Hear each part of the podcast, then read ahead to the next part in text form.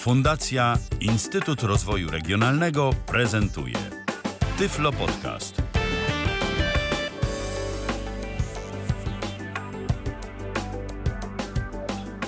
Dzień dobry, kochani. Magdalena Rutkowska, 17 czerwca, minęła 19, a my rozpoczynamy Tyflo Podcast. Co prawda dzisiaj będzie taki kompaktowy, godzinny Tyflo Podcast, dlatego że nie możemy zbyt mocno eksploatować naszego gościa, którym jest tada, Marek Jakubowski. Cześć Maruś. Dzień dobry, dzień dobry, dzień dobry.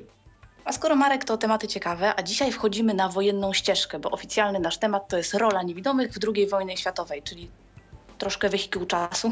Aczkolwiek myślę, że te wszystkie rzeczy, o których będziemy sobie tutaj dzisiaj opowiadać, mają również zastosowanie do, do rzeczywistości, którą obecnie mamy i którą będziemy mieć yy, gdzieś tam w przyszłości. Chodzi o samo podejście nawet, bo to jest ciekawe.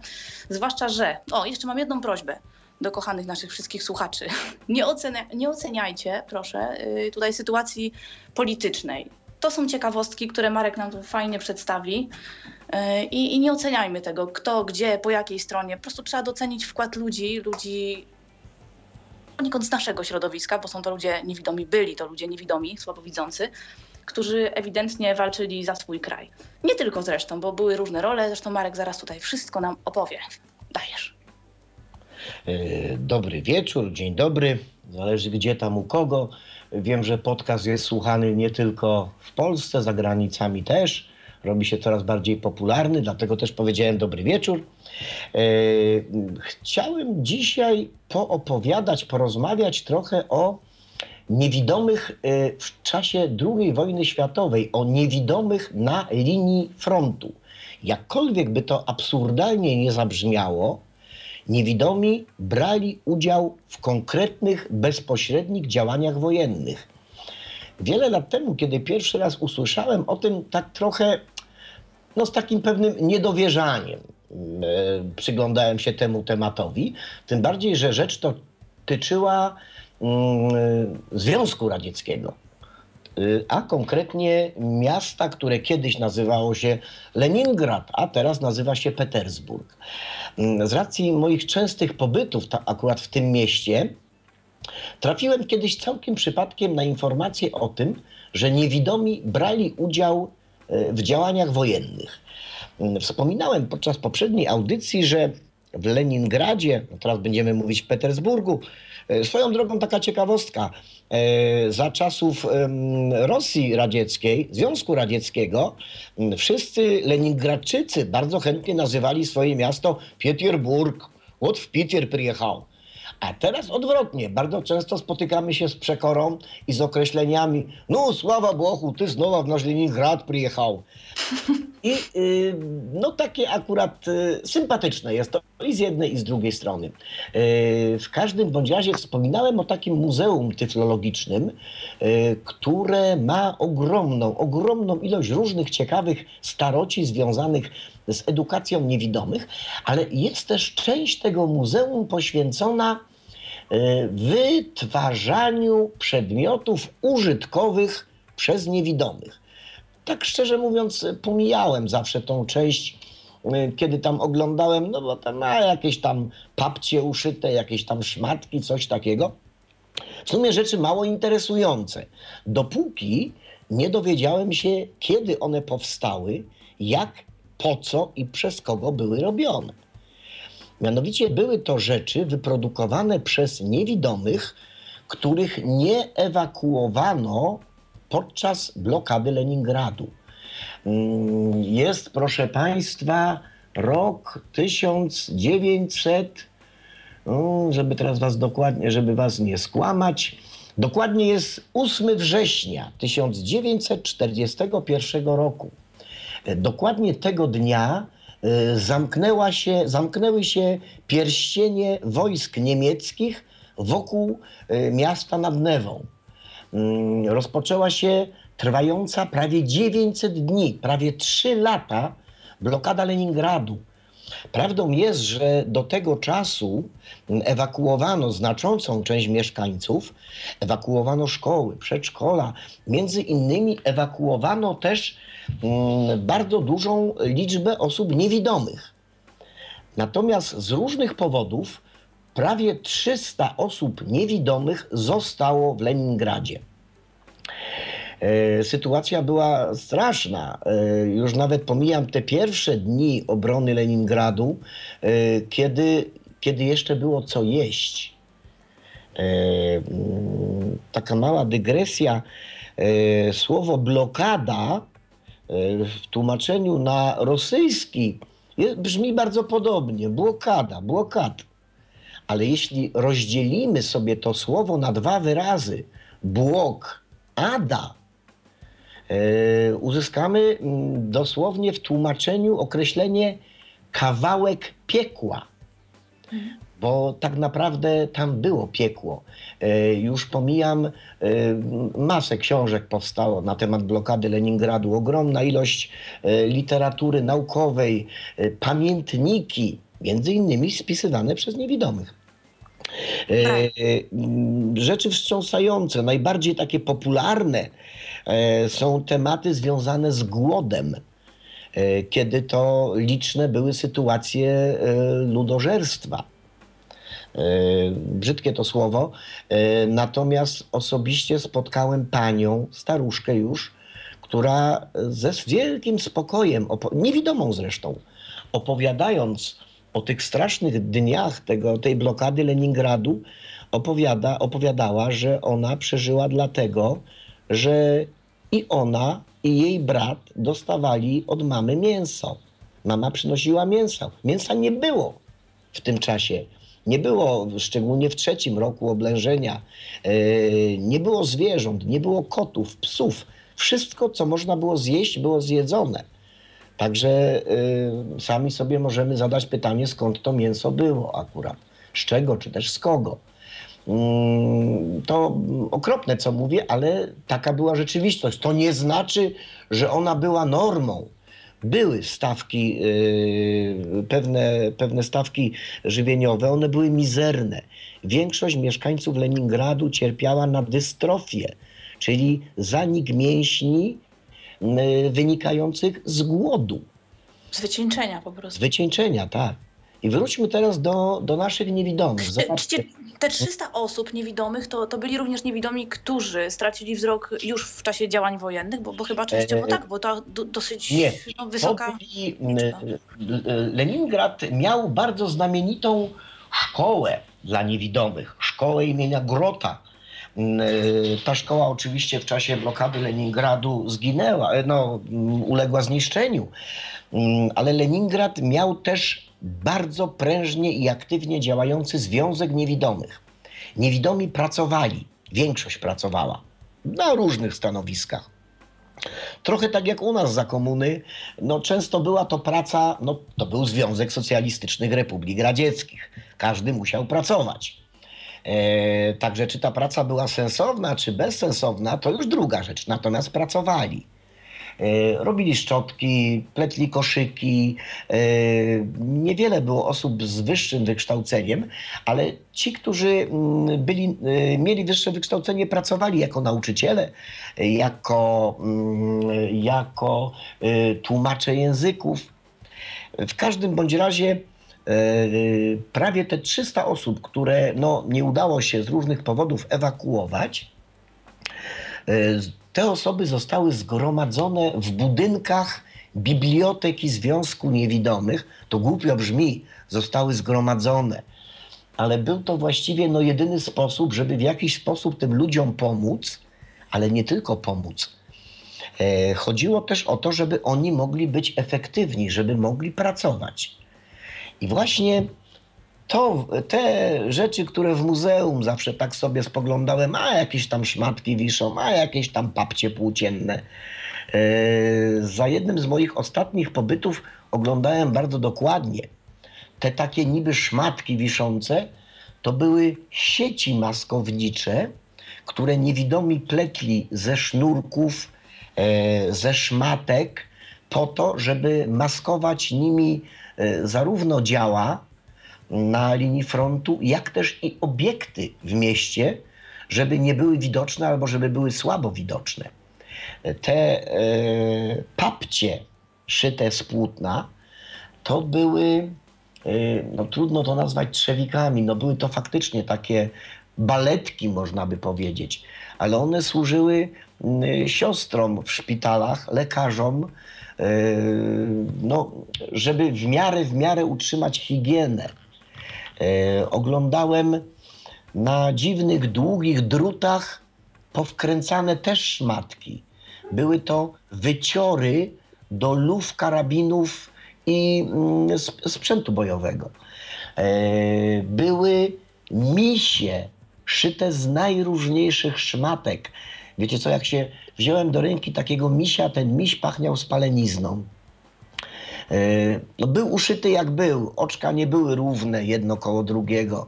E, Ten nosek z guzika też był trochę na bok przesunięty. No i pamiętajmy, że to wszystko ręcznie oczywiście. To było tak, to było wszystko ręcznie robione, ale mm, e, była maleńka karteczka przy tym misiu, że po prostu panie niewidome szyły zabawki do szpitali, gdzie leżały ranne dzieci. Na początku ranne, a później umierające z głodu. Dzieci nie pracowały. E, Dawki tego jedzenia były, porcje jedzenia były dużo mniejsze.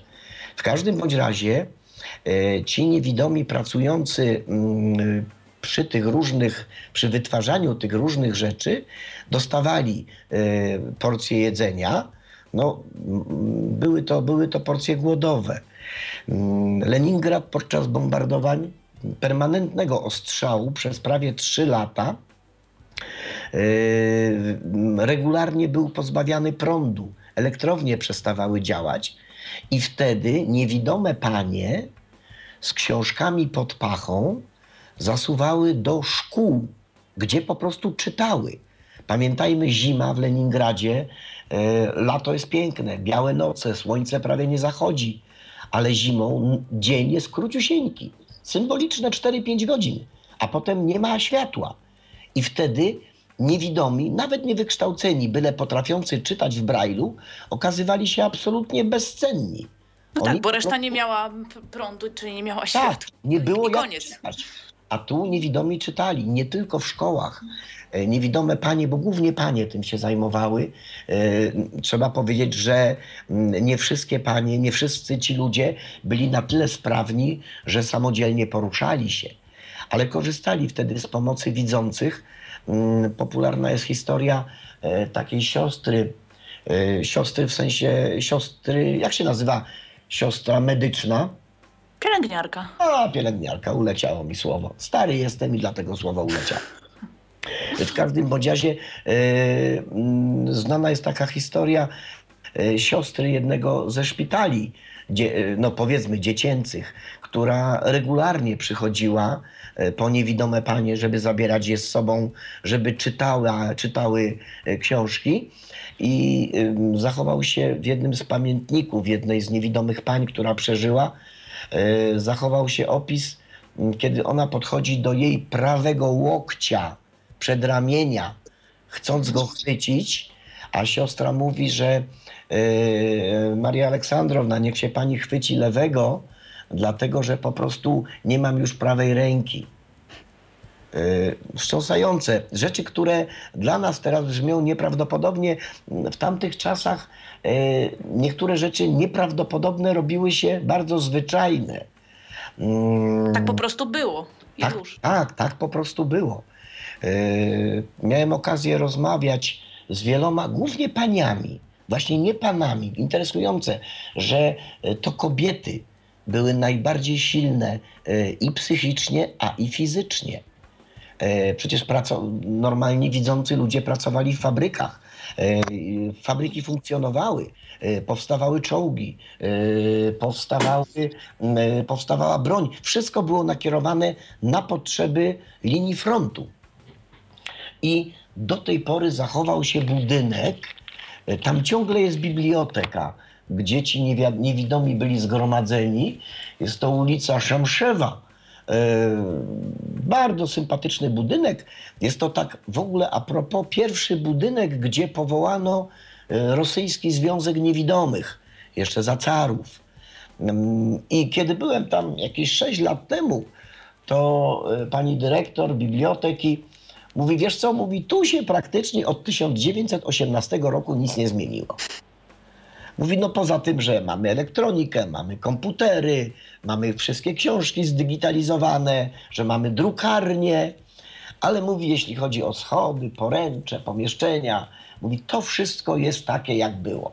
Mówi, jak dobrze, tam ta pani dyrektor nie widziała wtedy, y, teraz już jest inna, ona mówi do mnie, jak poskrobiesz ścianę, to zobaczysz różne warstwy farb, jakie tu były malowane, aż dojdziesz do tej pierwszej, ona powinna być taka ciemnobrązowa.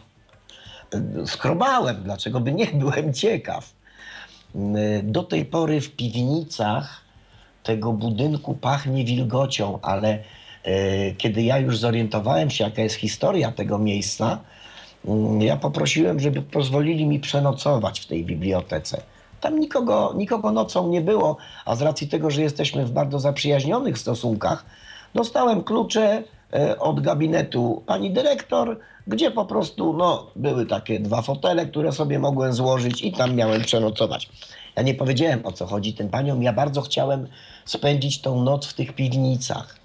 Ja chciałem się poczuć tak jak w 1941 roku, kiedy w tym wielkim, co by nie powiedzieć, budynku huczało jak w ulu, gdzie prawie 300 osób mieszkało, a właściwie nie tylko mieszkało, pracowało.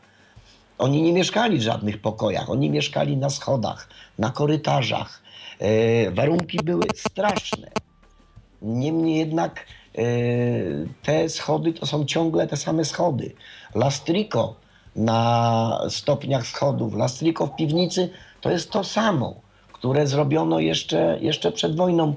Mm, Wiecie co, w ogóle prawie nie spałem tej nocy. Jakoś tak wydawało mi się, że słychać gwar tych ludzi, ich rozmowy, yy, płacze, ale też radości, bo mm, część z tych niewidomych występowała z koncertami. I to nie tylko bezpośrednio na e, linii frontu, ale również w szkołach, w szpitalach. E, Pamiętam e, opis z pamiętnika widzącej mieszkanki Leningradu, która opisuje, że miała straszny problem, żeby dostać bilety do sali koncertowej, gdzie występowała e, taka znana piosenkarka, śpiewaczka widząca. E, Natomiast razem z nią występowały, występowały dwie niewidome panie, które też śpiewały. I ta pani mm, nie pisze w pamiętniku o przeżyciach natury estetycznej z tego śpiewu, z tego koncertu. Natomiast ona pisze, że nie bardzo mogła rozróżnić, która z tych pań to jest ta znana artystka, a które to są te niewidome panie. Wszyscy byli tak biednie ubrani. Ona pisze w jakichś szmatach, e, zimno, czyli w jakichś kurtkach, w walonkach. Natomiast e, sala nie była ogrzewana. I mówi, w pewnym momencie stało się nieważne, jaką partię czy arię śpiewa ta znamienita artystka, a jaką śpiewają te panie. Mm, Takich historii, historyjek, e, historyjek nie ma tu znaczenia pejoratywnego, jest, e, jest bardzo, bardzo dużo. E, W każdym bądź razie, przeglądając kolekcję tego Muzeum Tyflologicznego, które mieści się zresztą w tym samym budynku, trafić można na gablotę, skromną gablotkę e, poświęconą niewidomym w mundurach Armii Czerwonej. No, to mnie najbardziej zatkało, bo ewidentnie... Tak, bo raczej nam się kojarzy z tym, że to byli weterani później, po wojnie, tak? y, A, i- a nie, że, że brali czynny udział będąc niewidomymi w czasie. Tak, Madzia, masz, masz rację. Ja byłem przekonany, że to chodzi o jakieś znamienite postacie ze środowiska niewidomych, no, którzy stracili wzrok e, w czasie II wojny światowej.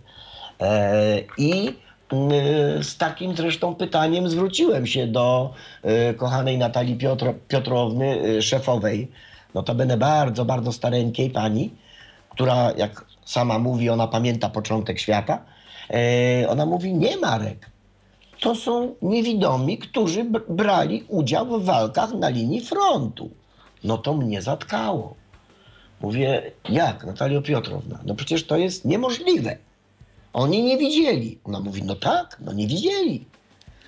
I e, stąd zaczęła się taka taki bardzo specyficzny element tej historii, bo Natalia Piotrowna zaczęła opowiadać, zaczęła wyciągać z szafek, z szufladek jakieś medale, jakieś odznaczenia. I pokazuje mi, mówi, o, mówi, mówi, a ten medal to dostał e, Jakow Lwowicz, e, nasz niewidomy, który tam zginął e, w 43, nie? A to dostał Aleksiej Fiodorowicz Bojko. I pokazuje mi jego medal bohatera Związku Radzieckiego. Cały czas byłem taki wygłupiony. Mówię, jak? Za co, za co te odznaczenia? Jak? Jak? Niewidomi. Tych słów jak było tyle, że to się w głowie nie mieściło. I teraz, yy, teraz ciekawostka. Mm. Mianowicie yy, Leningrad jest obrąż- oblężony. Praktycznie nie ma absolutnie żadnego kontaktu przez jezioro Ładoga, zamarznięte. Zimą można dostarczać żywność. Yy, Na ten prawie milion mieszkańców te dostawy są mizerne. Yy, Nie ma zrzutów lotniczych, yy, ludzie głodują i mm, cały czas trwają walki. Yy, Jest cała sieć okopów, transzei otaczających Leningrad, yy, broniony nie tylko przez żołnierzy, ale wr- wręcz przez ochotników, przez pospolite ruszenie yy, mieszkańców Leningradu. Ale nie o tych szczegółach chciałem mówić. W każdym bądź razie do tej pory, no może już na niewielu ulicach, ale jakieś 30 lat temu e, trafiałem chodząc po ulicach, wtedy jeszcze też Leningradu, na stare napisy malowane taką zwykłą farbą, gdzie było napisane ta strona ulicy bardziej niebezpieczna w razie ostrzału. Chodziło o to, że chodząc po lewej stronie ulicy było się mniej nastawionym na przykład na pociski artyleryjskie niż chodząc po prawej. Mm, Tych napisów zapewne w tej chwili już nie ma. E, W każdym bądź razie te walki trwały z różnym natężeniem cały czas i e, były bardzo regularne bombardowania z powietrza. E, Rosjanie nie mieli urządzeń radarowych. Podobnie jak nie mieli takich urządzeń radarowych takim pojęciu, jak teraz rozumiemy, nie miały też inne kraje. Praktycznie e, posługiwała się radarem, posługiwała się Anglia. Było to bardzo prymitywne urządzenie radarowe, niemniej jednak pozwalające zorientować się, że jakaś grupa samolotów nieprzyjaciela leci w kierunku na Londyn, czy na, na, na, czy na któreś, na Coventry, czy na któreś z tych dużych miast. Natomiast było to wielkiej tajemnicy yy, trzymane. Praktycznie żadne z, yy, z państw biorących udział w wojnie nie miało profesjonalnych radarów. Ale prawie wszystkie państwa miały bardzo prymitywne urządzenia nasłuchowe. Ja postaram się opisać takie urządzenie. Wyobraźcie sobie, że przykładacie do ucha yy, lejek do wlewania wody do butelki. No, lejek ma tą szeroką część i tą wąską część, która wchodzi do butelki. Ym, Madzia, jasno to opisałem, czy nie? Bardzo jasno, bardzo jasno. I wyobraźcie sobie teraz taki lejek, ale 100 razy większy. Eee, I my przykładamy sobie ucho do tej cieńszej części tego 100 razy większego lejka i wrażenie jest niesamowite, bo my zaczynamy lepiej słyszeć. Tak naprawdę my słyszymy tak samo, ale specyficzne elementy akustyczne, ten kształt lejka e, powoduje to, że dźwięki są niejako zbierane Zbierane i kumulowane. kumulowane. I wyobraźcie sobie teraz taki jeden lejek, olbrzymi, a wyobraźcie sobie cztery albo osiem takich olbrzymich lejków połączonych na samym końcu jedną rurą. I to były prymitywne urządzenia nasłuchowe, które znajdowały się na linii frontu w okopach. Niektóre były na samochodach, także mogły być przewożone z miejsca na miejsce, a niektóre były w stałych punktach. I zwykli żołnierze no, nasłuchiwali. Przez te rury faktycznie sporo wcześniej dało się usłyszeć, że na przykład jakieś samoloty z jakiegoś konkretnego kierunku w jakimś konkretnym kierunku lecą. ktoś z dowództwa obrony Leningradu wpadł na pomysł, że mm, ponieważ taki zdrowy żołnierz, to on jest bardziej użyteczny z karabinem w ręku niż przy takim urządzeniu. I ktoś wpadł na pomysł, żeby zapytać niewidomych, czy ewentualnie no, nie chcieliby wziąć udziału w czymś takim, popróbować, pomóc. Yy, literatura, dokumenty podają, że zgłosiło się prawie wszystkie 300 osób. To byli w większości dorośli. Natomiast problem polegał na tym, że tam był warunek. Zarówno panie, jak i panowie się zgłosili. Nikt z nich nigdy nie miał z reguły, no przynajmniej nic mi nie wiadomo, nie czytałem o tym, żeby ktokolwiek miał coś wspólnego ze służbą w armii. Natomiast był jeden warunek. Musiały to być osoby samodzielnie poruszające się yy, i zdrowe fizycznie. To zdrowe fizycznie to znowu tak bardzo dziwnie brzmiało. Wtedy w Leningradzie nikt nie był zdrowy. Oni wszyscy mieli tą dystrofię, wszyscy byli zagłodzeni. Niemniej jednak e, wybrano z 40 chętnych, panów akurat, e, których przeszkolono w nasłuchiwaniu.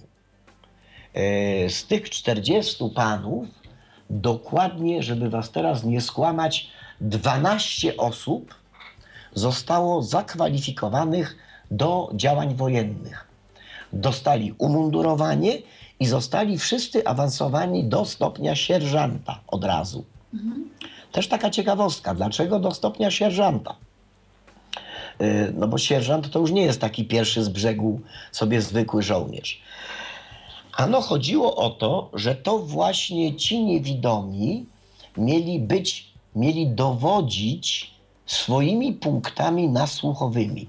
Oni dostali do pomocy widzącego człowieka, ale tylko po to, żeby on pomógł ustawiać mechanizm tych olbrzymich tub, no bo trzeba to było jakoś nakierować, i e, obsługiwał też telefon.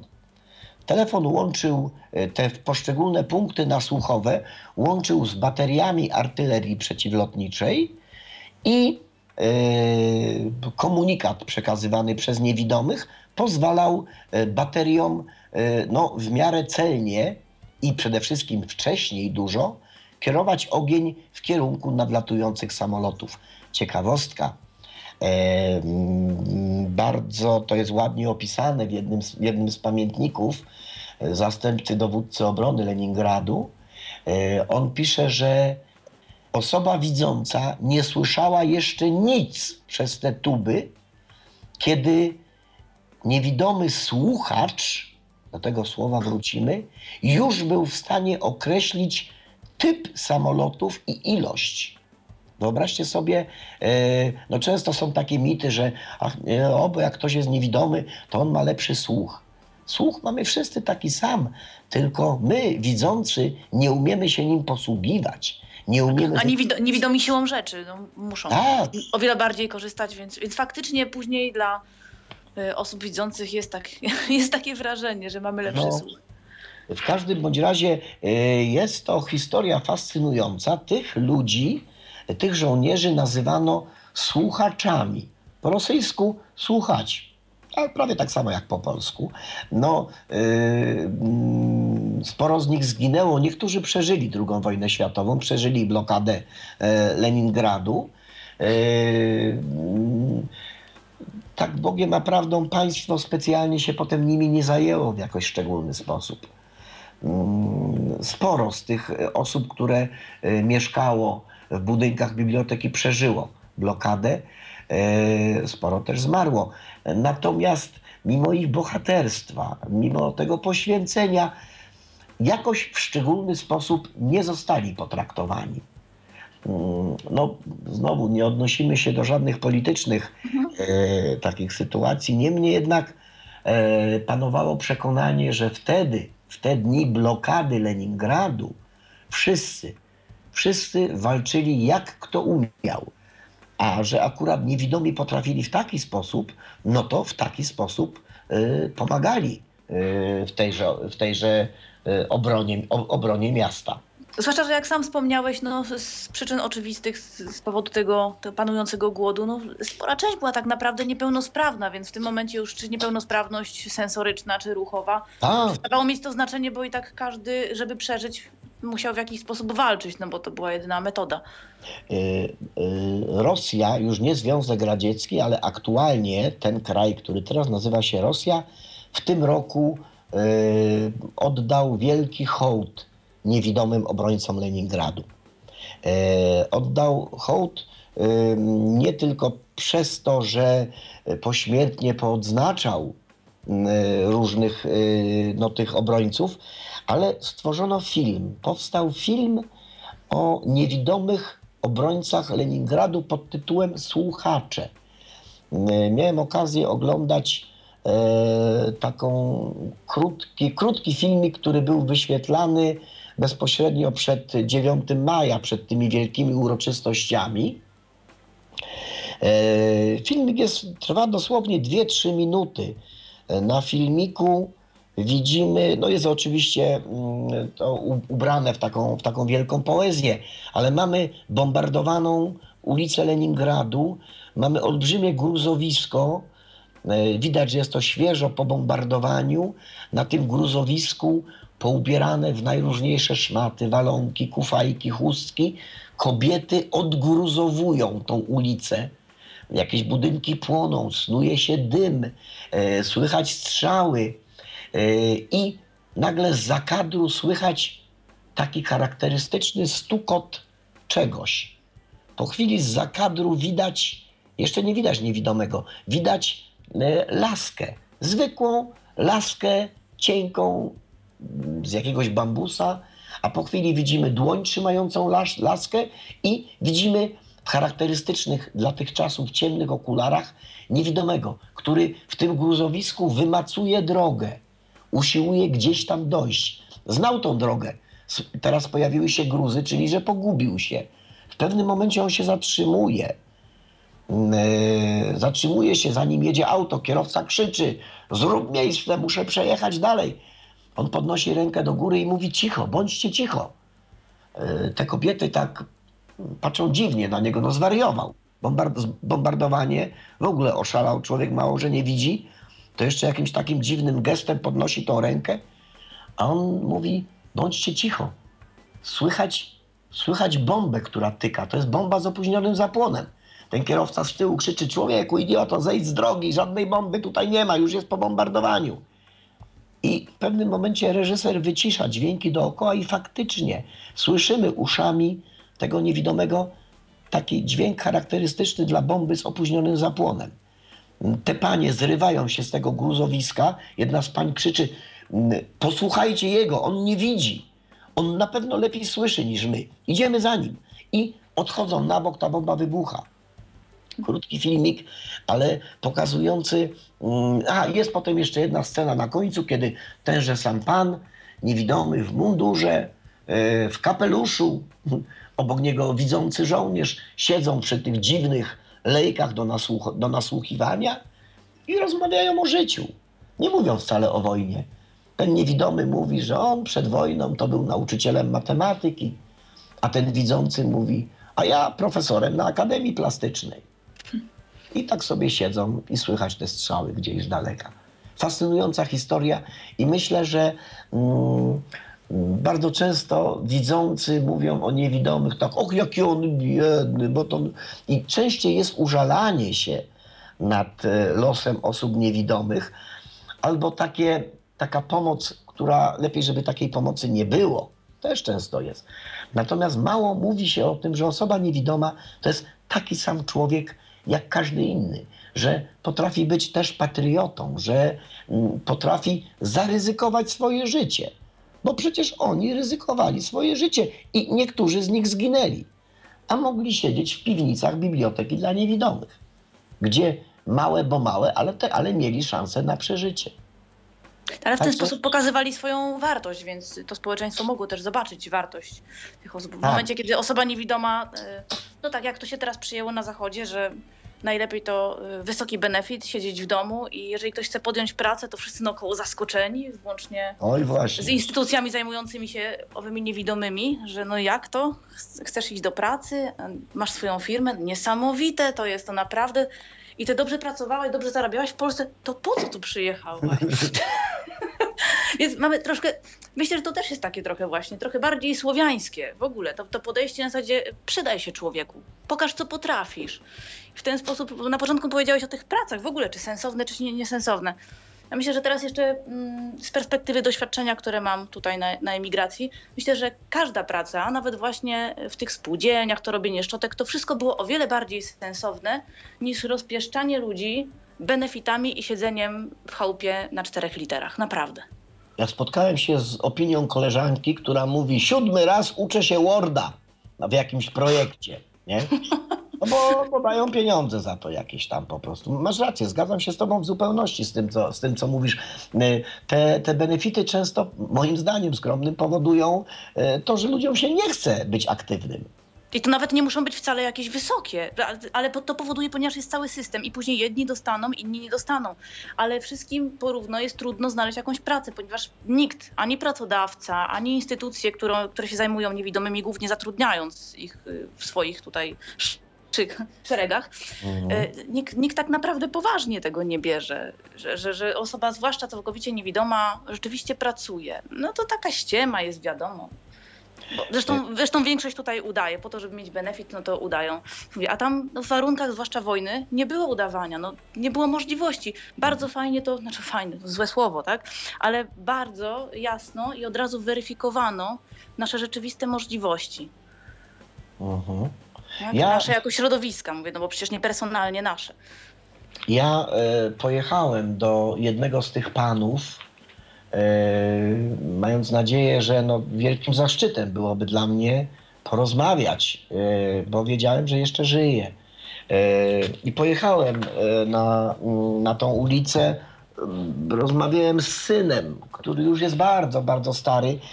I nie rozmawiałem w sumie z tym panem, bo syn mówi, że E, tata już, tata żyje, ale tata tak naprawdę nie jest na tym świecie już. Staruszek. E, także mm, w sumie nie porozmawiałem, e, natomiast wpadły mi w ręce odręczne zapiski, taki rodzaj pamiętnika tego pana. Bardzo ładnie, wyraziście pisany. To były skrawki różnego papieru. To było uporządkowane w takiej teczce, Natomiast nie była to mm, nic wydanego oficjalnie. I mm, tak z ciekawością prawie dwa dni siedziałem nad tymi tekstami. Nie było tam tego aż tak bardzo dużo. No taka jakby historia życia, taki rodzaj pamiętnika. I były też kartki z tego Leningradu.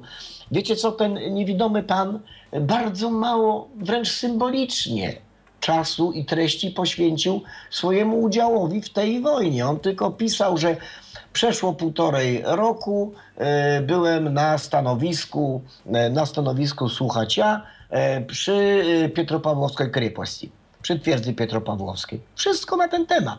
No bo został, to było takie oczywiste, to po było takie oczywiste. On y, bardziej się skupia na, na, na, swojej rodzinie, na jakiejś tam działce, opisuje sytuacje powojenne. Natomiast y, nie wiem, może nie chciał wracać y, pamięcią do, do tamtych lat. Y, w każdym bądź razie to było, myślę, że tak jak ty to nazwałaś, to było takie oczywiste, że no nie poświęcił po prostu temu żadnych specjalnych informacji. Mhm. A wspomniałeś jeszcze, że y, również działały w Leningradzie fabryki. Czy niewidomi także byli zatrudniani w tych, w tych fabrykach? E, raczej według mojej wiedzy nie. E, znaczy nikt się nie przejmował wtedy słabowidzącymi. No bo był, albo ktoś był niewidomy, korzystał z Braille'a, chodził z laską, niekoniecznie. Tak, nie, nie oceniano procentowo i tak. Tak, nie. E, to znaczy raczej nie. Według mojej wiedzy e, stworzono te warsztaty, te fabryki, fabryki, wielkie słowo, w tych budynkach biblioteki dla niewidomych i tam właśnie ci niewidomi pracowali.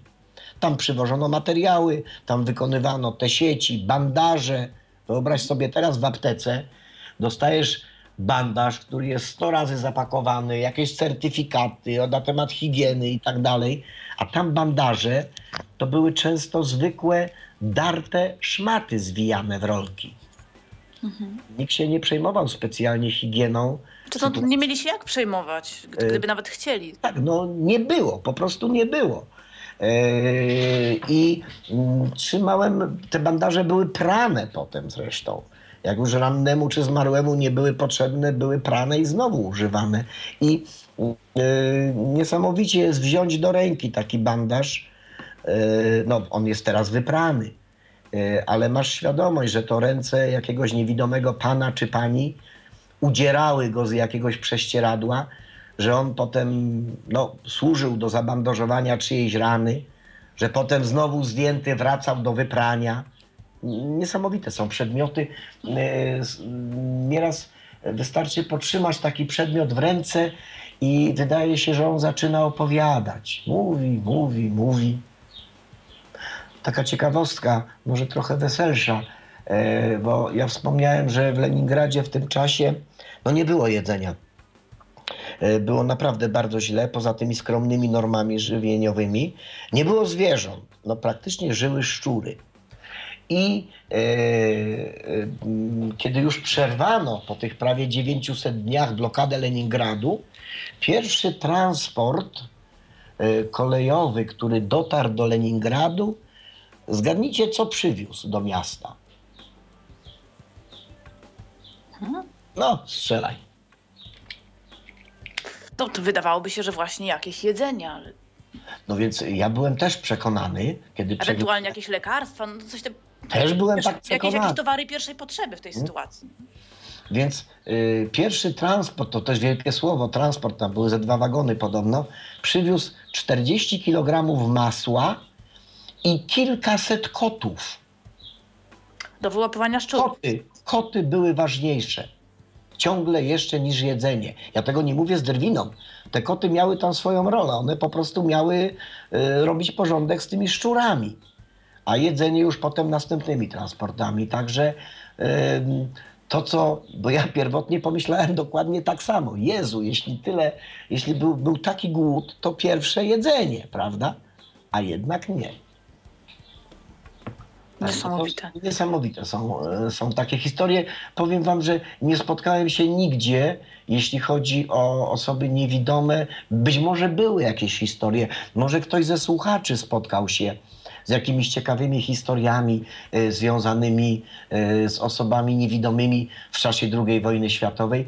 Ale- Albo w, ogóle, ale- albo w ogóle w wojsku i nie, nie w sytuacji, no bo Mhm. wiemy, że do tej pory, tak, nawet w tej chwili y, wyjeżdżają również Polacy jak najbardziej na, na misję, biorą udział w różnych działaniach wojennych i, i także tracą sprawność.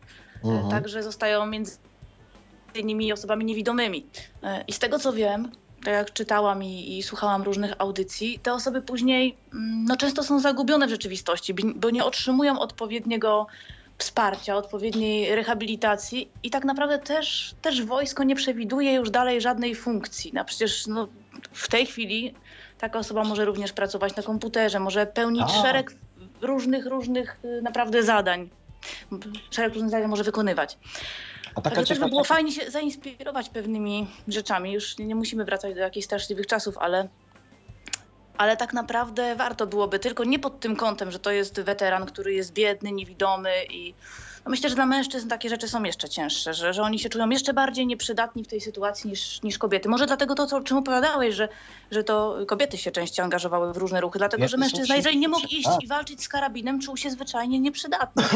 Te stanowiska tych słuchaczy być może tutaj właśnie dlatego między innymi też się pojawiło to, to bardzo dobre rozwiązanie. E, a halo, słychać? Słychać. A taka, takie a propos, a propos tych czasów, tych takich dziwnych związanych z wojną. Ty, Madzia, jesteś fanem e, psów i w ogóle. E, taka ciekawostka, pytanie. No, ale jesteśmy w Polsce w tej chwili, nie w twojej Anglii. E, no właściwie nie do końca jesteśmy w Polsce. Jesteśmy mm, w okresie e, po I wojnie światowej, no ale na terenie aktualnej Polski. E, gdzie zaczęto szkolić psy przewodniki? W Polsce Tak. Mhm. ja zawsze słyszałam o, o Słukowicach, ale wcześniej gdzieś jeszcze indziej było? W Bydgoszczy. Pierwsze, A. 260 psów przewodników zostało wyszkolonych, kończyła się pierwsza wojna światowa. Bardzo wielu y, żołnierzy niemieckich straciło wzrok i w Bydgoszczy, wtedy nazywało to się Bromberg, była zresztą tam szkoła dla niewidomych i tam powstało Centrum Szkolenia Psów Przewodników dla Ociemniałych Żołnierzy. E, Traf, wpadły mi w łapy przypadkiem zdjęcia tych pięknych, potężnych wilczurów. Owczarków niemieckich, tak. No, Jezu, ślicznie to wyglądało. Ci e, ludzie, niektórzy jeszcze w mundurach, niektórzy już po cywilnemu, e, tacy zagubieni i te pewne siebie psy. Po ich mordach było widać, jakie one są pewne siebie. Naprawdę, e, akurat ośrodek w Bydgoszczy ma kilka takich fotografii starych. Mają też takie muzeum sympatyczne, gdzie te fotografie można obejrzeć. Fascynujące, bo teraz no, mówi się o różnych miejscach, a tu się szkoli psy, tu się szkoli psy, a mało się wraca do historii i do tego, że to masowo.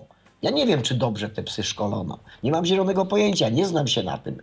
Natomiast no, jest to temat też niewątpliwie ciekawy do poruszenia. Mhm.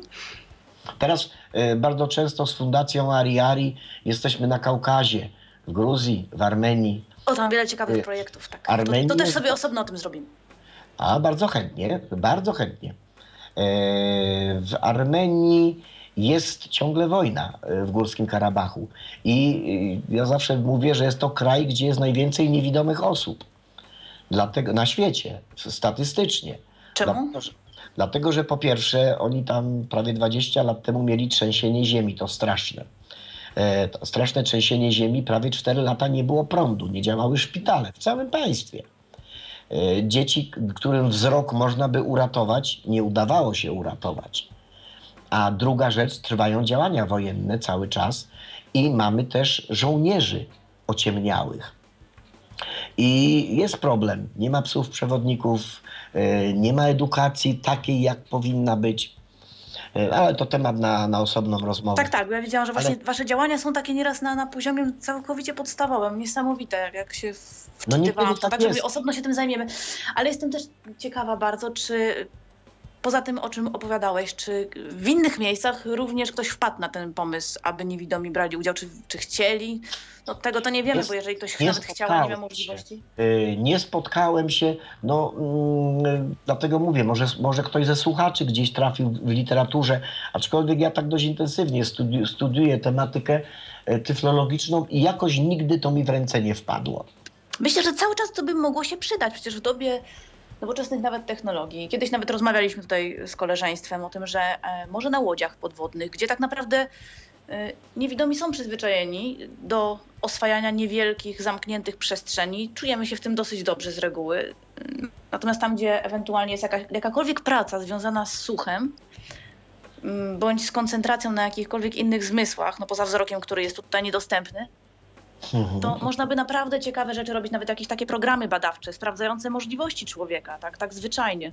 Ja sama bym chętnie wzięła w czymś takim udział, bo, no bo nigdy nie wiemy, póki się nie zetkniemy z daną sytuacją, to nie wiemy, jakie są nasze możliwości, a organizm człowieka ma niesamowite możliwości dostosowywania się.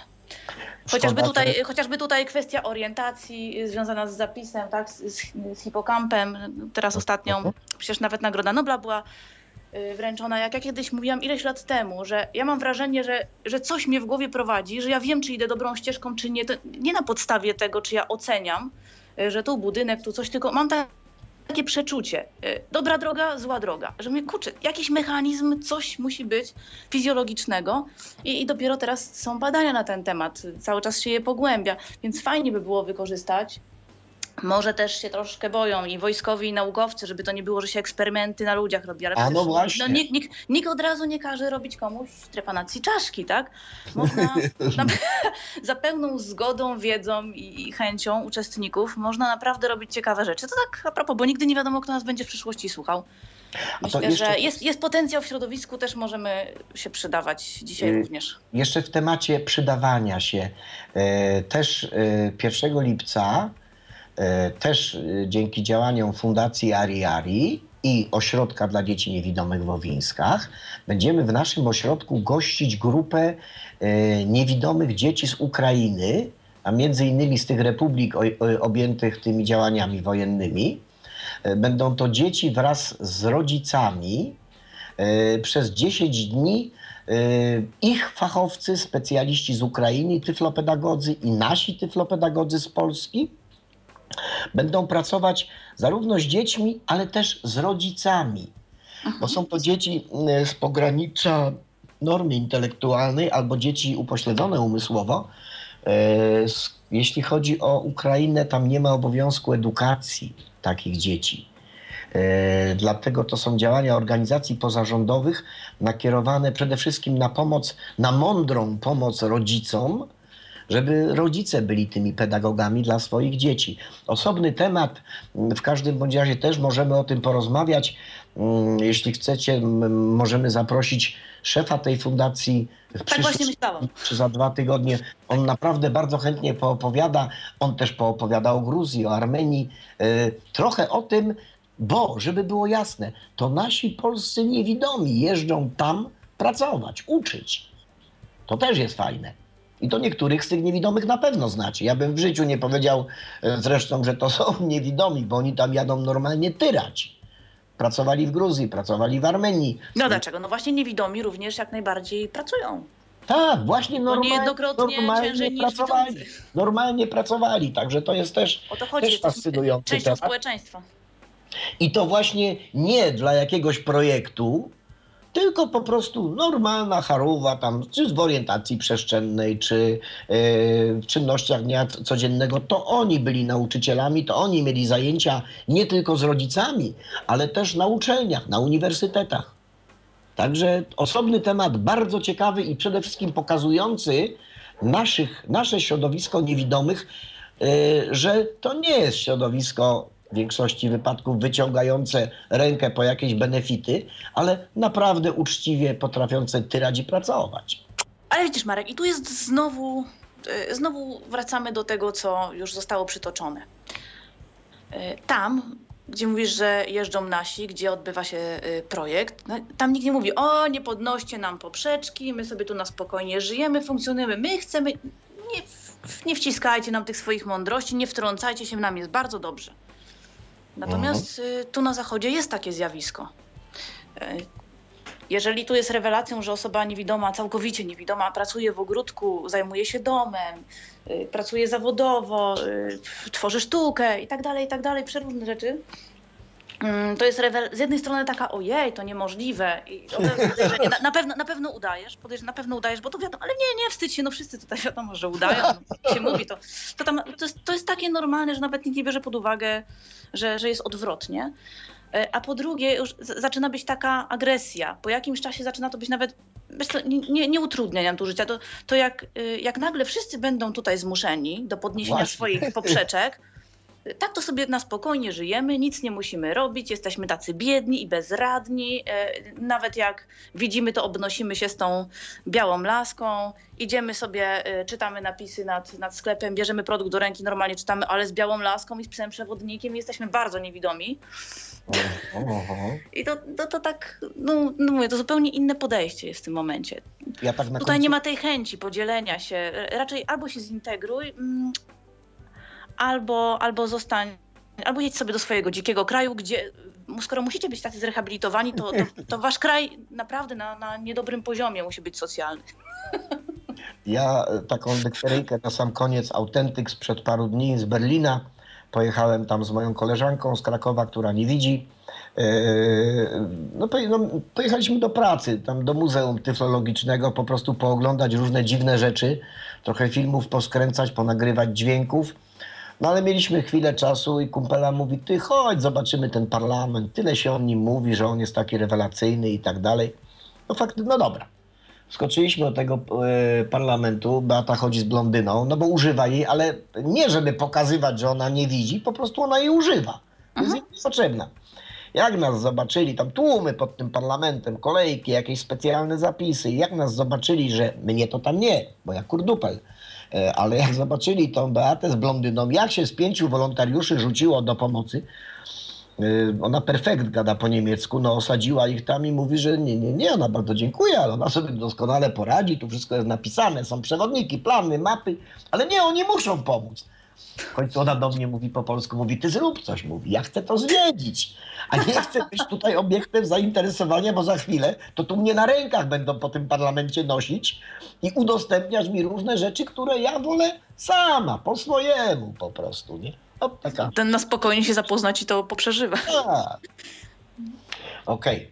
Y, Ja tak jak mówiłem dzisiaj, y, moje gadulstwo Audycja kompaktowa. chciałem Dlatego, że ja nawet nie podawałam numeru telefonu, no, z tego względu, żebyśmy zdążyli wyrobić się z materiałem. A myślę, że to taka audycja z jednej strony właśnie wycieczka ileś lat wstecz, z drugiej strony no, inspirująca dla nas wszystkich. To, to taka i, i ciekawostka historyczna i do wyciągnięcia wniosków również na przyszłość. No, myślę, że nie tylko dla środowiska. Oczywiście. Także wielkie dzięki Marek. Marek Jakubowski był naszym dzisiejszym Ja gościem. dziękuję, chciało się wam słuchać. Chciało się, zawsze się chce ciebie słuchać. wiadomo. Się zarumieniłem. Wszystkim słuchaczom, y, tym, którzy byli z nami na żywo i tym, którzy sobie ściągnęli podcast z internetu później, bardzo też dziękujemy. Magdalena Rutkowska, Michał Dziwisz oczywiście realizował nas. Dzięki, papa. Pa. Dzięki, do widzenia. Był to Tyflo Podcast. Pierwszy polski podcast dla niewidomych i słabowidzących. Program współfinansowany ze środków Państwowego Funduszu Rehabilitacji Osób Niepełnosprawnych.